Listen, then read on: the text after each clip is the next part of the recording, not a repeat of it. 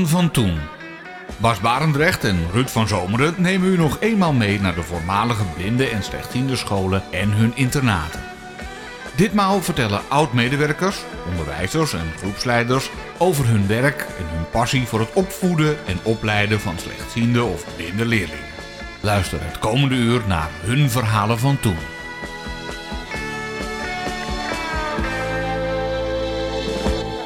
In deze aflevering is het woord aan een tweetal oud-medewerkers van de Prins Alexander Stichting, de PAS in Huisterheide. Een buurtschap tussen Den Dolder en Soesterberg. Vanaf 1953 werd daar slechtziende onderwijs gegeven. Daarvoor was de Prins Alexander Stichting een vooropleiding voor het Blindeninstituut in Bussum. Initiatief voor de omzwaai naar het slechtziende onderwijs gaf de jonge onderwijzer Piet Oost, die later directeur van de PAS werd. Oost was een markante persoonlijkheid met, op zijn zachtst gezegd, opmerkelijke opvattingen over hoe je slechtziende kinderen zou moeten onderwijzen. Aan het woord Jenny Berghegen en Els Wielinga. Mevrouw Berghegen begon in 1963 als groepsleidster, maar verruilde die plek een aantal jaar later voor het muziekonderwijs. Els Wielinga kwam in 1969 als groepsleider op de pas. We beginnen met Jenny Berghegen. Ik werkte ergens in Zeist en daar had ik het niet zo heel goed naar mijn zin. En toen ging ik een keer een eindje fietsen en toen zag ik daar een heel leuk huis. Met, daar reed ik eens even naartoe. En uh, ging bij de voordeur kijken. Dan zag ik allemaal een leuke hal met leuke stoelen en zo. En toen heb ik aangebeld en er kwam een uh, oudere meneer. En uh, toen zei ik, wat is dit? Hij zei, dit is een school voor slechtziende kinderen. En, maar mijn schoonzoon die is op vakantie. Maar als u thuis komt, dan zal ik zeggen dat u geweest bent. En ik ben weer uh, naar mijn oude werk gegaan. En dan kreeg ik een paar weken later een telefoontje. Kom maar even langs. Dus ik ben erheen gegaan en ik was uh, meteen, had ik het baantje, ik kon gelijk beginnen. Als groepsleidster. Ik heb het altijd heel erg goed naar mijn zin gehad. Ja. Ik denk dat ik een jaar of tien toch wel als groepsleidster heb gewerkt. En toen ben ik een jaar hoofd, assistent hoofd van huishouding geweest. Maar dat was niet zo'n succes. Maar ik was altijd, s'avonds uh, stonden er allemaal leuke muziekinstrumenten beneden in de hal. En dan ging ik eventjes met een paar kinderen daarheen. En dan gingen we wat op die instrumentjes spelen. En toen kwam de directeur, Piet Oost, en die zei... Als je dat s'avonds kunt, dan kan je dat ook overdag. Je kan gelijk in school beginnen. Je had gelijk maar lesgeven. En dat heb ik toen gedaan. En dat heb ik dus heel veel jaren gedaan. En toen ben ik gelijk toen die opleiding gaan volgen in Delft. En toen ik daarvoor examen moest doen, toen uh, heb ik met een hele bus vol kinderen van de Prins Alexander Stichting zijn, zijn we daarheen geweest. En ik kon dus lesgeven op het examen aan mijn eigen kinderen met de Orff-instrumentarium. En dat ging uh, van een leien dakje natuurlijk. Ik kom daar straks nog uitvoeriger op terug. Ik ga eerst even naar Els. Uh, Zo'nzelfde verhaal, bij toeval op die Prins Alexander Stichting terechtgekomen? Eigenlijk wel. Ik ben uh, begonnen in een weeshuis in Buren. En daar ben ik vijf jaar geweest en gewerkt en met een enorme inspiratie en vreugde daar. Want dat was, alles was nog mogelijk. Hè? Je werd ondersteund. En toen, na vijf jaar, dacht ik van, ik moet maar even wat anders doen. Toen ben ik au pair gaan werken in Schotland, in Glasgow. En daar zou ik voor een half jaar gaan. Maar ik had vrienden in uh, Amersfoort wonen, Ellen en Henk Hofman. En uh, zij belden mij op en zeiden, want we hebben Piet Oos gesproken, daar bridgen we samen mee. En ik heb gevraagd of hij een baan voor jou heeft. En, uh, en dat hebben ze. Maar je moet voor 1 op, je moet half september thuiskomen. Dat heb ik gedaan. Ook een sollicitatie. Even bij Piet Ooster alleen maar. Geen ondernemingsraad, geen secretaresse erbij. En ik was na een half uur was het klaar. Ik ben dus aangenomen als groepsleidster. En deze man heeft uh, uh, een eigenschap om de talenten van de ander uh, aan te spreken. Zoals met Jenny met de muziek. Is, heeft hij bij mij gezegd van jij gaat mantelzorg doen. Je gaat de ouders bezoeken op, niet op een over professionaliteit, maar gewoon vanuit menselijkheid. Ga je naar de mensen doen. En dat heb ik gedaan, zeven jaar. Toen ik in het weeshuis begon, om eventjes een indicatie te geven wat de salarisverhoudingen zijn, daar kregen wij eh 50 gulden per maand, verdienden we. Hè, dan werkten we gewoon van kinderen opstaan totdat ze naar bed gingen. Maar dat was juist een, een bindende factor waarin je elkaar vond als collega's. En toen kwam rapport Haak, en dat is nu wat eh, de cao's zijn. En rapport Haak die constateerde dat, kinderen, dat eh, medewerkers in de kinderbescherming... eh, dat die op zijn minst in een schaal moesten zijn wat recht deed aan dat wat ze deden. En toen gingen wij na een half jaar, ik, ging ik van 50 gulden ging ik naar 250 gulden. En dan kom je als, eh, ja, toch een beetje vreemde in Jeruzalem eh, op zo'n slechtziende school. En, en wat gebeurt er dan met je? Want je weet nergens van, denk ik. Nou ja, weet je, eh, de ervaring eh, eh, had ik dus al in het weeshuis. En, ehm, dus, en dat was ook, er waren ook groepen van 13, ki- 13 kinderen. Dus dat was sowieso al een eh, pre we- wellicht, maar het hoeft ook geen pre te zijn, want ehm, je stapte in, je ging naar een collega toe, er werd aangewezen, je gaat naar die en die groep. En daar ontmoette je je mede-collega met z'n tweeën op één groep. En, ehm, en daar deed je het mee. En dat was eh, ja, Ja, ik- zijn kinderen. met Anne Jonker. Ja. Maar goed, het zijn kinderen, maar het zijn wel kinderen waar iets mee is. Jawel, maar er werd wel, er was, er werd wel be- begeleiding gegeven. Hè, er werd, er werd- wij hadden dus in het internaat vergaderingen, hè, één keer in de Ja. 14 dagen. En daar werden, eh, nou ja, laat ik zeggen, als er iets niet helemaal eh, liep zoals het zou moeten lopen, en, eh, dan ging je het daarover hebben. En ook, kijk, de kwaliteit van eh, de school, die was natuurlijk belangrijk, maar eh, ook van het internaat, want daar moest je kinderen in de vrije tijd toch een, een weg weten te vinden. Ja, maar ik heb het altijd eh, eh, eh, ja, va- vanuit, ehm, ja, vanuit een enorme interesse voor, voor, voor, voor kinderen. En, en begrijpen en eh, gewoon je oren openzetten.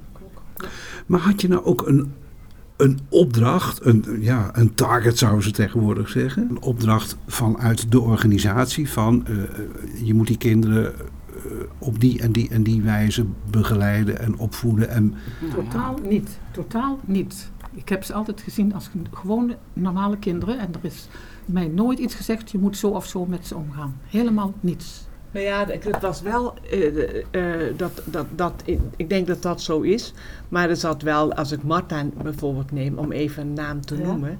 Hè, dat, ehm, daar was een strafdiscipline. Marta was, eh, ehm, in mijn tijd was Marta vanuit groepsleider was zij hoofd van het internaat, hè? Ja. Ja, over het internaat. En Marta was, die was een hele creatieve geest.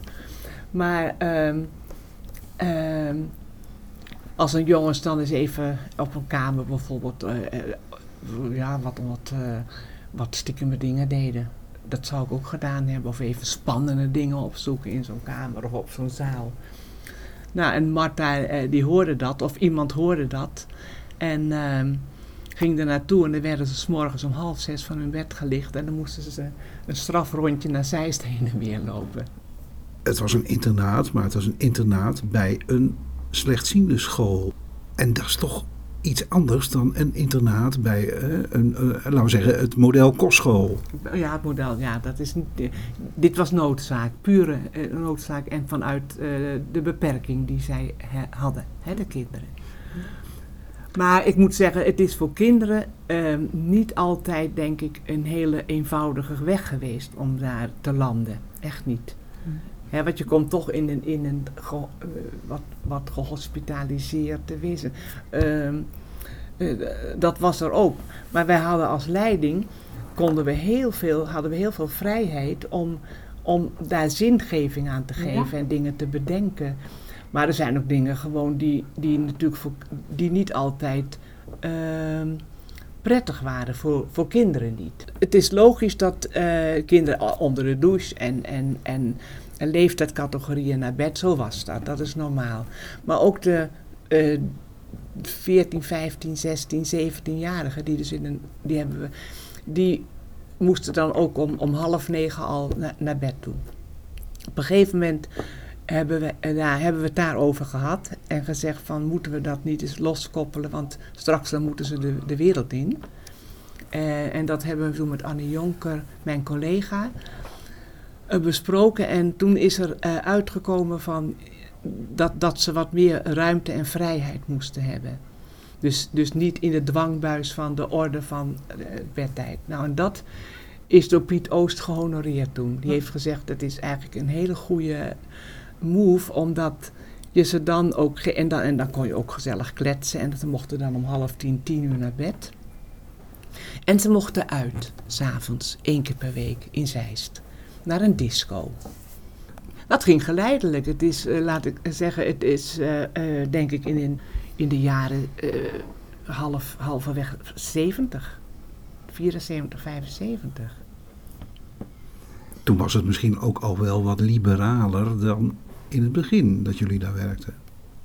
Ja, maar we hebben altijd wel een warm, ik heb wel een warme deken daar kunnen hebben, omdat je de, als groepsleiding, kijk, als je over kinderen praat, dan uh, is het wat anders, maar vanuit de groepsleiding uh, uh, konden we toch wel heel veel van los, we konden heel veel regelen en dingen zelf doen en, en met ideeën komen. Hè?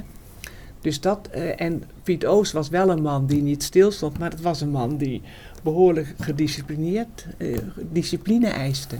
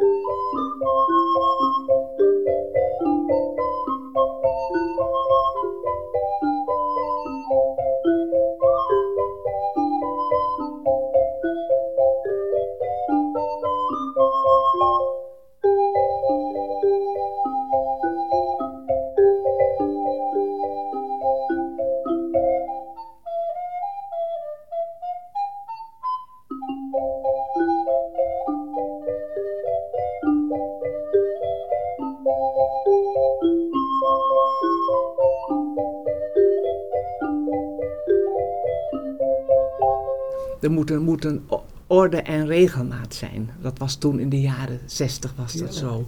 En die orde en regelmaat was normaal. En je moest aandacht hebben voor het, voor het individuele kind binnen die groep. Dus niet alleen maar na, uh, naar die twaalf kinderen kijken, maar ook eens even apart iemand meenemen op een wandeling. Maar die ruimte kregen we. Met die groep die ik had, dan had je toch zo'n stuk of tien kinderen. En dus enkele gingen dan elk weekend naar huis, maar sommigen bleven ook het weekend. Heb jij Dan heb ik het ook wel eens een keer gehad dat ik zelf heel erg nodig naar mijn ouders moest, omdat daar iets was. En toen heb ik gewoon overlegd met Piet Oost, ik moet weg. Mijn kinderen kunnen het alleen, dit hele weekend. En toen zei hij, doe maar. En dat bedoel ik, zo vrij waren wij om zelf je eigen keuzes te maken en te bepalen wat kon en wat niet kon. En dat je helemaal niet onder druk stond van dit moet je zus of zo doen. Helemaal nooit. Als wij uh, bijvoorbeeld toch iets te laat terugkwamen van een, van een boswandeling of zo, dan stond Piet Oost wel bij de deur van uh, die kinderen hadden al op bed moeten liggen. Je zei van ja, we hadden ook oog voor individuen. Ja. Um, op, op wat voor manier uh, ging dat? Want als je uh, extra aandacht aan één individu besteedt, betekent dat dat de rest even niet kan. Nee, maar je was, je was met z'n tweeën, groot, de meeste, meeste tijd was ja. je met z'n tweeën. Wij werkten vijf dagen per week, van uh, s morgens twee uur vrij tot s avonds negen uur en later tien uur, want dat was een nachtwacht. Hè? En dus als de een, uh, dan zei je van, god, ik ga even wandelen, want daar is iets loos of zo. Of de ander zei van, ik ga eventjes uh, met deze ook iets doen, ijsje eten of wat dan ook. En dat gebeurde dan. En dan nam je de groep gewoon zelf over. Er was altijd één, één, één op de groep, absoluut. Ja, dat is mijn ervaring, dat je... Uh, dat je heel goed ook uh, uh, als iemand echt, eh, je merkt aan iemand dat er wat aan de hand was, of verdrietig, of eh, conflict, of ruzie, Ja. of wat dan ook, dan, dat je daar dan aandacht aan besteedt en het niet afdoet als een, als een, als een groepsgebeuren, zou ik maar zeggen. Niet alleen op de Prins Alexander Stichting, ook op- in andere internaten eh, hoor je natuurlijk ook regelmatig van ehm, dat men trachtte zoveel mogelijk de eigen huiselijke situatie van kinderen eh, weer te geven Ja. of te imiteren. Wat over het algemeen slecht lukte. Hoe, ging dat op de pas? Nou, eh, dat moet, dat moet ik zeggen, met die huiselijkheid die wij in de huiskamer hadden, met onze nieuwe meubels later. En dat je dus het nooit helemaal bij benadering, je kunt het bij benadering vinden. Bij benadering kun je de huiselijkheid eh, een vorm geven. Gewoon door, door is, is een, een, een, eh, eh, iets anders te doen dan de gebruikelijke route van de avond, zou ik maar zeggen. Of dat en met een bloemetje, ik noem zomaar wat, een bloemetje op tafel. Hè? Maar ehm, je kon niet meer doen dan een groepsgebeuren, want die groep die was er. Het aantal kinderen, dat was er. En daar moest je het mee doen. Er was ook één keer een jongetje, een jongetje uit het noorden, en die had eh, zo'n heimwee. En toen is er ook werk van gemaakt dat hij ook weg is gegaan bij ons. Want een kind met heimwee mag je dat niet aandoen dat hij in een internaat zit. Dat hoor ik Piet Oost nog zeggen. Ja. Ja. En hij heeft ook, ook geregeld dat ze elk weekend naar huis Ja. mochten. Hij had een prijs Hij heeft, een gewonnen. spa, hij heeft een prijs gewonnen en dat was een potje. Zodat eh, de kinderen verdienen het om elke week naar huis te gaan. Ja. En, eh, en dat is ook gebeurd. Hij heeft dat geld ingezet en het bestuur heeft toen hetzelfde bedrag ook daarin gezet. En daarvan konden de kinderen elk weekend naar huis.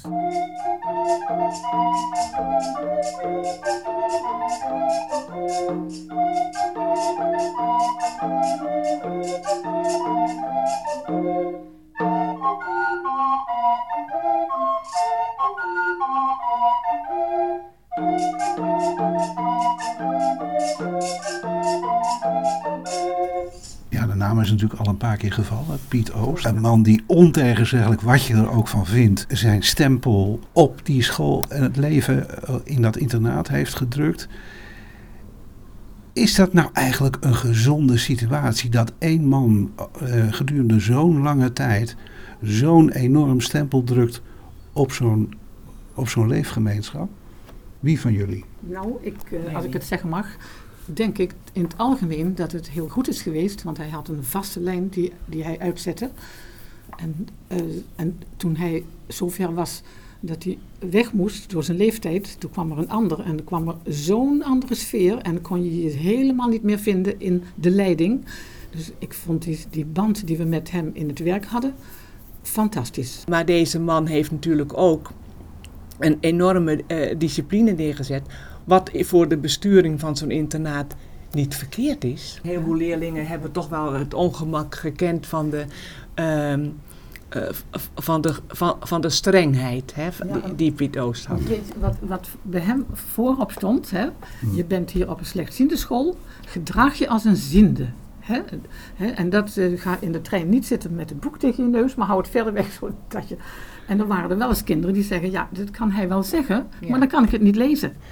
Dat ehm, er ook natuurlijk slechtzienden zijn en dat er ook prognoses van de, van de oogaandoening was dat je mogelijk blind zou kunnen worden. Ja. Dus ehm, dan kun je braille niet helemaal buiten de deur bij wijze van spreken houden. Maar ja, dat is voortschrijdend inzicht nu. En dan heb ik begrepen dat ehm, bij het afscheid van leerlingen ehm, de heer Oost hen te verstaan gaf van je bent hier nooit geweest. Ja, Zeg nooit dat je hier geweest ja, bent. ja, ja, Ja, ja. ja. Oh. Ik vind Dat dat, ik vind dat schokkend. Ja, dat, dat, dat ging veel te ver. Dat hij zei, je, je, je, bent, je, je, je moet als ziende in de, in de wereld, maar er is nou eenmaal een beperking. Dus je kunt het nooit, als iemand eh eh, halfzijdig verlamd is, kun je niet zeggen, je moet als, als, wandeling, als wandelende meneer of vrouw eh, het leven in. Ik denk dat hij daarin wat eh, doorgeschoten is. Dat zeg ik dan tussen, een beetje tussen aanhalingstekens. Hè?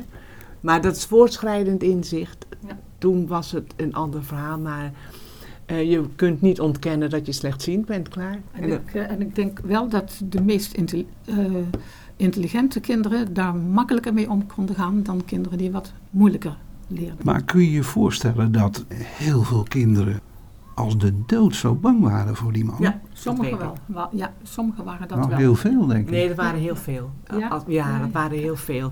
Want die, dat kreeg, ik ook teruggekoppeld toen ik die ouders ging bezoeken Oh hè, ja, door het land. Dan heb je dus rechtstreeks wat de kinderen thuis aan angst eh, eh, uitspreken. En eh, dat koppelde ik dan ook wel terug aan het maatschappelijk werk en ook, ook aan Piet Oost. Nou, en dan werd daar wel over vergaderd. Maar er zijn heel veel kinderen die toch wel met een, eh, een bocht... eh, als Piet Oost eraan kwam, dan viel er een soort, soort eh, verstarring in, in een heleboel kinderen. Maar hij had ook hele prachtige, ludieke oplossingen. Als, als meiden konden heel veel ruzie maken en, en schreeuwen en krijsen. En dat hoort er namelijk ook bij. En wat zei hij dan? Dan had hij een ludieke oplossing. En dat was, jij gaat aan de ene kant, aan de binnenkant ramen zemen en jij aan de andere kant. Dus de twee, de twee eh, ruziemakers. En, en, en dat vonden ze nog leuk ook. Wat een minder prettige straf was, dat ze op zijn kantoor moesten zitten. Ja. Eh, hand, met de handen aan elkaar, zo'n stuk of vier. En die bleven daar dan niet een uurtje zitten. Dus dat was de andere kant. Nu gelukkig eh, spreek ik dan wel wat leerlingen en die zeggen van... ehm, we hebben wel kansen gehad, ook Ja. in dit onderwijs. Het was inderdaad natuurlijk een, een, een opmerkelijke man, eh, maar ook met nukken en buien. En Ja. daar moest zijn omgeving wel eh, onder lijden. Maar da- daar hadden jullie dus als medewerkers kennelijk niet zoveel last van. Wel, zeker wel. Nee, ik niet. Nee, kijk, eh, eh, eh, als, als, als, als, als er een pestbui was of, of, of een bulderbui, want die waren er door de gangen, als die maar ergens over struikelde of dat er te veel troep was, dan had hij wel gelijk in. Als er in de huiskamer een troep is, eh, het moet geen afvalbende zijn. Maar dan kon hij niet altijd de juiste benadering vinden om te zeggen van, goh, misschien is het toch wel handig om eh, eens een beetje hier op te ruimen. Maar je kon hem ook, als hij onredelijk was, kon je ook wel eens een keer flink van katoen teruggeven. En dat heb ik ook gedaan. En dat werd dan wel van, door hem aangenomen. Maar wat ik mooi vind van deze man, dat hij natuurlijk, het is natuurlijk een creatieve geest. Ja. Het verhaal toen ik dus die sollicitatie deed in 1969, dat hij zei van, ik had, toen vroeg ik waarom is dat een slechtziende school? Want hij had natuurlijk, ja, Bartimeus kende ik. Ja, kinderen die dus slechtziend zijn en nog, en nog kunnen zien. Hij zegt, en ik ben het op het idee gekomen, en dat vind ik dan wel weer een sprookjesachtige verklaring. Die kinderen hielden onder de lamp, toen hij er begon, Hm. lazen zij de braillepuntjes in plaats van voelen. En toen dacht hij van, dat moet ziende onderwijs worden. Beetje zwart-wit, maar zo is het, Zo. zo is het Ja. begonnen. Hè? Voor iedereen die horen wil. Verhalen van toen. Radio 509. Dat muziekonderwijs, dat, dat boeit me wel. Je zei van, ik, ik was s'avonds met die kinderen bezig. Ja, Maar vertel er eens iets meer over. ja dan, zo, zo begon het eigenlijk. Dan stonden die instrumentjes daar, wat xylofoontjes, wat klokkenspellen. En eh daar ging ik dan, eh, nam ik een paar kinderen mee, die waren gedoucht in de pyjama, gingen we lekker muziek maken beneden. En eh, toen zei Piet Oost een keer, als je dat over, s'avonds kunt, dan wil ik dat je dat overdag gaat doen in school. Als, eh, als muziekles. We hadden een lerares en die gaf, dat was een nicht van hem. En die zat dan in de hal al die muzieklessen te geven. En hij zat op een toren en hij werd daar zo vervelend van. Dat ging allemaal zo langzaam. Het was een hele goede lerares hoor. Maar dat duurde hem lang. En toen mocht ik dat dus over gaan nemen. En toen ben ik meteen in school begonnen met eh, alle klassen. Eh, de basisklasse elke dag. En voortgezet twee of drie keer per week. Dus ik had er een hele volle dagtaak aan. En ik ging gelijk naar, naar Delft, naar de cursus. Mocht ik toch die opleiding nog even doen, dat ik er ook een diploma van had. Dat was een, eh, een speciale opleiding voor het Ja, Orff-instrumentarium. juist voor dat. Ja, ja. Wat is nou de filosofie achter eh, om dat Orff-instrumentarium te gaan gebruiken? ja Ook dat zal wel weer van Oost vandaan komen, neem ik aan. Ja. want dat is in de eerste plaats ging het altijd over de oog-hand-coördinatie. Hè, dat, je dus, dat, dat alle, en in de eerste plaats is het ook dat alle kinderen kunnen meedoen, muzikaal of niet muzikaal. De minder muzikale worden door de meer muzikale opgetild en meegenomen. En ieder, elk kind heeft er altijd evenveel plezier in. En het is eh, samenwerken. Hè? Ik gaf les, maar ik, ik liet de kinderen ook lesgeven. Ze waren allemaal vrij om daar ook deel aan te nemen. Want je kon, als ik me dat zo voorstel, eh, uit zo'n, eh, zeg eens wat, zo'n metalofoon kon je al die staafjes uithalen op twee na. Ja, ja, want want we gingen uit van de pentatoniek. Hè? Dat zijn, is vijftonig. Do, re, mi, sol, la. Dus de, de, halve toonsafstanden zijn eruit. Dus dan heb je nooit dat het eh, die dissonanten zijn. Hè? Daar begin je dus mee. En de muziek is eh, heel eenvoudig. De basis is heel eenvoudig. Dus daarom ook door ieder kind te begrijpen. En, eh, en het loopt dus op tot heel, heel moeilijke speelstukken. We hebben heel, heel veel ook moeilijke tijden gedaan. En toen kregen we een school in Amsterdam. En dan moest het muziekonderwijs opgezet worden. Dus dan mocht ik toen een dag in de week naar Amsterdam. En later kwam de Rotterdamse school. En dan mocht ik een dag in de week naar Rotterdam. En heb ik daar het hele muziekonderwijs op poten gezet. En bij ons. En toen was ik ook nog op een cursus in Delft. En toen was er een meneer en die zei: Ik geef les op, op de muziekschool in de Betuwe. En dat heb ik toen ook nog gedaan. Elke dag muziekonderwijs. Ja, en wat deed je dan in zo'n uur? Oh, van alles. We begonnen met gezellig in een kringetje te zitten en praten. Mocht je allemaal wat vertellen. En dan was het klaar. Praten was klaar. Dan gingen we beginnen en dan was het praten afgelopen. Nou wordt er gewerkt. En dan eh, werd er opgebouwd. Hè. Jij gaat achter het klokkenspelletje en jij speelt dat. En jij zit achter de telefoon en jij stond achter de pauken. En zo ging je dat allemaal verdelen, wat ze dan eh, moesten doen. En dan ging het van, van klein tot steeds groter ging het allemaal klinken. Heel, En heel dat wisselde ook wel eens, hè? de- Dat je, eh, alles de- wisselde. Ze hadden al, altijd allemaal elk instrument in de hand. Ja. En blokfluitles, daar begonnen we dan mee. Dan, kregen ze ook, eh, dan konden ze ook noten leren lezen. Want Piet Oost zei altijd, geen theorie, alleen praktijk. Ja. Hè, niet voor een bord staan en kijken hoe al die nootjes eruit zien. Maar wel gingen ze dat laten doen in, eh, in de blokfluitles. Ja. Toen leerden ze dus ook de muziek De lezen. even, Ja, ja. deed je inderdaad ook nog iets aan, eh, ja, laten we zeggen, eh, een- wat bredere muziekkennis. Ik bedoel, we hebben ook Bach en Beethoven en Ja. Mozart. Ja. Zeker, en luisteroefeningen, ja. En, en eh, luisteren naar een, een, eh, een symfonie van Mahler. En wat hoor je daarin? Wat heeft de componist daarmee bedoeld? En dan werd er soms heel, heel goede, goede uitleg aangegeven. Dat kinderen daar heel veel in hoorden, hoor, moet ik zeggen. Ja. Peter en de Wolf, en al die muziek van de, voor kinderen en zo. En de dans macabre. Dans macabre, ja. Er waren drie dingen. Bewegingsonderwijs, Theo Wuts, en de muziek en de handenarbeid. En, en al die leerkrachten moesten maar zien dat ze in die overige tijd de kinderen ook nog wat geleerd kregen. Ik had dus ook een keer een meisje, die zat geloof ik in de tweede klas van de basisschool. En die had een heel lang stuk bedacht, dat heette een rondo. En daar had ze, gaf ze een uur les. Daar had ze een onderdeel daarvan ingestudeerd allemaal. En dan ging ze naar huis. In de trein bedacht ze het volgende deel. En dat deed ze de volgende week. En zo heeft ze dan een week of drie, vier aan één stuk gewerkt. En dat, zo werd dat één groot muziekstuk. Waar al die kinderen dus aan meespeelden uit de klas. Ja, Dat, was, eh, dat was echt... eh, en zo ging het zo vaak. Maar het was echt altijd ook heen en weer. Want ik had bijvoorbeeld... eh, ik, ik begon met blokfluitles te geven aan die kinderen. Maar ik had zelf nog nooit blokfluitles gespe- blokfluit gespeeld. En toen ging ik les nemen en ik begon gelijk met een groep van tien kinderen. Dat mocht van Piet Oost. Maar ik ging natuurlijk veel harder dan zij. Maar to- toch na een tijdje, toen kwam er een sopraanfluit bij, toen kwam er een alt-blokfluit bij, toen had ik een tenorblokfluit. En toen speelden we een keer driestemmig. En ik had die tenorfluit, maar die had ik nog maar net. En ik had een stukje. Ik dacht, goed, dat is een beetje moeilijk, dat slaat me over. Wat zei een van die kinderen? Juffie, waar bleef jij met je loopje?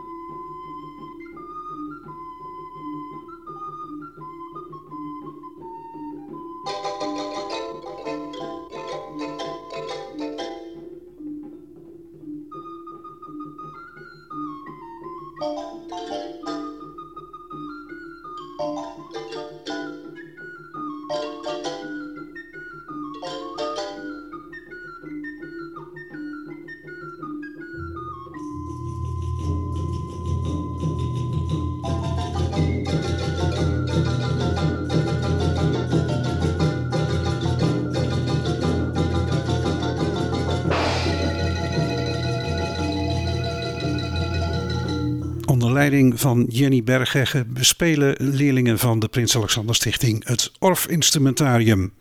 Er is in al die jaren dat jullie daar gewerkt hebben heel veel veranderd. Els Wielinga. Ja, die veranderingen heb je gezien. En die veranderingen die, die werden, werden pas heel erg duidelijk. Kijk, ik heb natuurlijk daar een, een kans gehad. Dat is dus om dus in de groep, op de groep te staan. Ehm, drie, drie dagen door het land eh, reizen en de ouders bezoeken. Dus echt het hele fundamentele. Hè, dus, dat wat bij het kind hoort, hè, die ouders. En dan kwam je weer terug. Dus ik had een, een ander leven ook buiten het internaat. Hè? Want je, je, je zat nog op die groep, maar daarnaast Ik- bezocht ik- je die ouders. Ja, ik was twee dagen bij, bij die oudere groep dan, die dus zelf later naar bed mochten. En ik heb dan ook die jongens, eh, die ook op kamer, die gingen ze naar het christelijk lyceum. En dan eh, is er te sprake gekomen van, kunnen ze niet op kamers gaan wonen? Die ondersteunde ik dan in hoe ze dan moesten schoonmaken en eh, het de dag doorbrengen enzovoort enzovoort. Dus ik had wel een levendig bestaan naast het internaat. Je had natuurlijk jarenlang alleen maar in dat internaat gewerkt. Dan ga je ineens ouders bezoeken. Dan zie je misschien wel hele andere kanten, of niet? En dat is dus de draagkracht van de gedachtegoed van Piet Oost. Hij had het idee opgevat, de ouders moeten onbevangen kunnen praten van iemand die een kopje koffie komt drinken. En gewoon eh, niets verwacht van die ouders, maar ze de ruimte geeft om te praten en dat je ze ook hoort. En dat je over het kind kunt praten. Dus dat was een uitdaging voor mij. En dat heb ik een, een geweldige uitdaging gevonden. Maar dan kwam je misschien toch wel eens dingen tegen waarvan je dacht, ja, Ja. wat moet ik hiermee? terugbrengen naar het maatschappelijk werk. Want zodra, kijk, het maatschappelijk werk heeft mij niet altijd, eigenlijk nooit met open armen ontvangen. Maar ehm, ik ben altijd, ik heb altijd verslag gedaan als ik er geweest was. En gezegd van, eh, de- en er kwamen specifieke problematieken uit, maar die mo- moest ik dan, dan ging ik niet naar het Piet Oost toe, maar ik ging naar het maatschappelijk werk toe. En dan ging daar vervolgens het maatschappelijk werk naartoe om die problemen op, aan te passen, op te lossen. Het was ook, er werd heel veel teruggekoppeld naar de kinderen en dat bespraken we dan met maatschappelijk werk en Piet Oost. De angsten die ze hadden, de kinderen. Hè? Dus dat kwam er wel heel veel uit.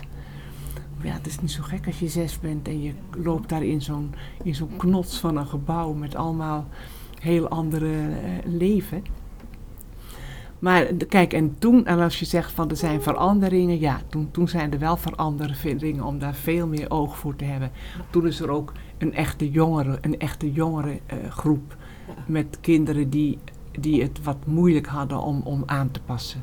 Na 13 jaar, kijk, toen is dus, eh, er, was een soort eh, bommetje viel toen Piet Oost dus wegging.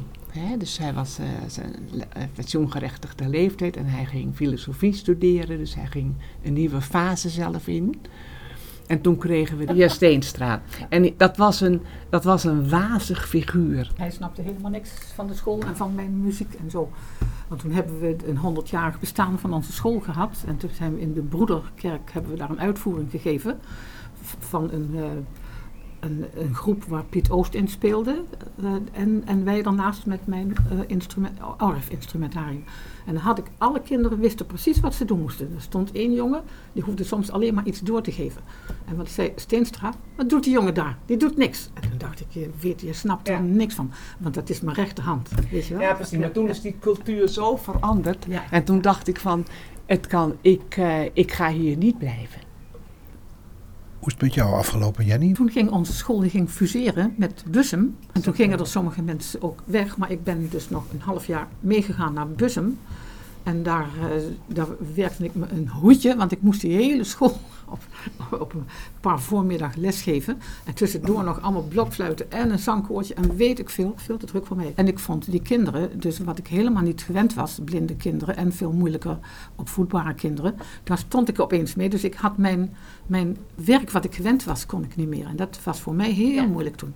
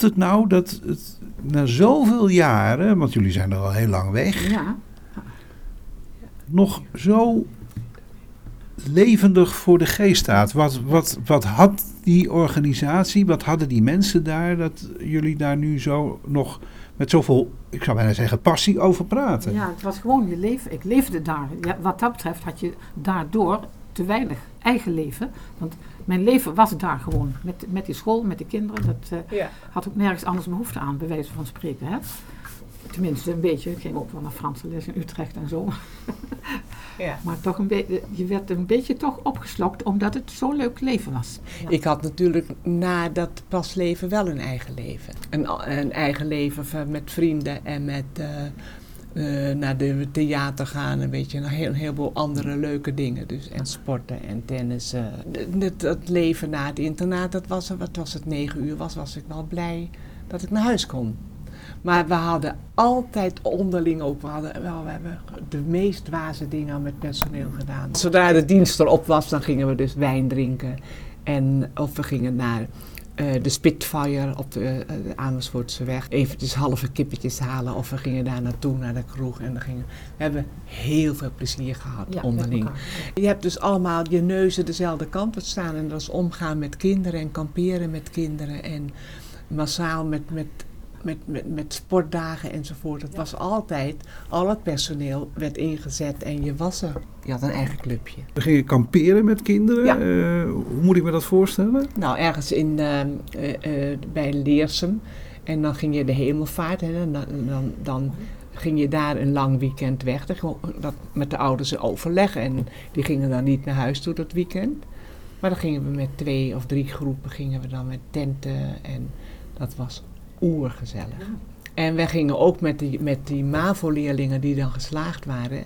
Piet Oost had vrienden en die hadden een, in de Dordogne een oude boerderij helemaal verbouwd. Eh, en dat is, een heel, dat is een ander verhaal. Maar daar mochten we daar dus tien dagen naartoe, druiven plukken en zo. Maar ook een culturele vakantie. Dus echt naar museums en, eh, en, en naar de grotten hè, van Lisieux en zo. Dat was...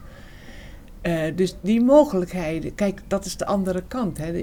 Er waren allemaal wel mogelijkheden om dat dan ook te kunnen doen. Met een busje daar naartoe en twee personenauto's. Daar was ook geld voor. Dus blijkbaar. Dat was, ja, toen wel. Ja, ik denk het wel, Jenny. Want zo'n kinderen hoefden, hoefden daar niet voor te betalen. Nee, maar we mochten een hotel en we gingen dan eten. In, in- door Parijs gingen we dan. En, eh, naar het Louvre geweest. En, eh, dus ik had wel een aangedaan beroep eigenlijk hoor. Veel afwisseling. Ja, veel afwisseling. En als we het hebben over Piet Oost, hoe zouden wij hem moeten gedenken? Eh, hij is al enige jaren overleden, een jaar of twintig denk ik. Nou, ik vind dat je hem moet herinneren. ehm, kijk, de, de, eh, de scherpe kantjes die gaan altijd, die kun je relativeren. Het was een veelzijdige man en ehm, er zijn ook heel veel, voor de, groep, voor de leidinggevende, zijn er heel veel ehm, mogelijkheden gecreëerd.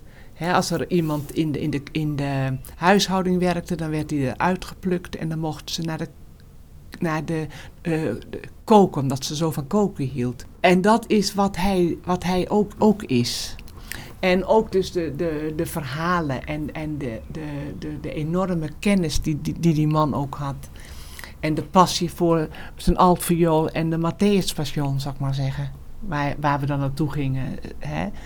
Dus ehm, het is een markante man. Markante man. Was het ook in de regel een aardige man? Als, het, eh, als, je in, als je in de move was, dan, dan was hij aardig, ja.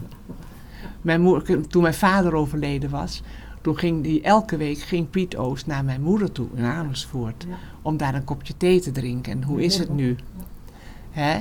Eh, de- maar, kijk, ja, maar dat zijn dingen die iedereen doet. Kijk, ik, eh, die, die iedereen kan doen. Dus dat is niet zo opmerkelijk, zal ik maar zeggen. Maar de verschijning was wel markant. Met die grijze kop en, grijs haar en, en, die, en die grote kop.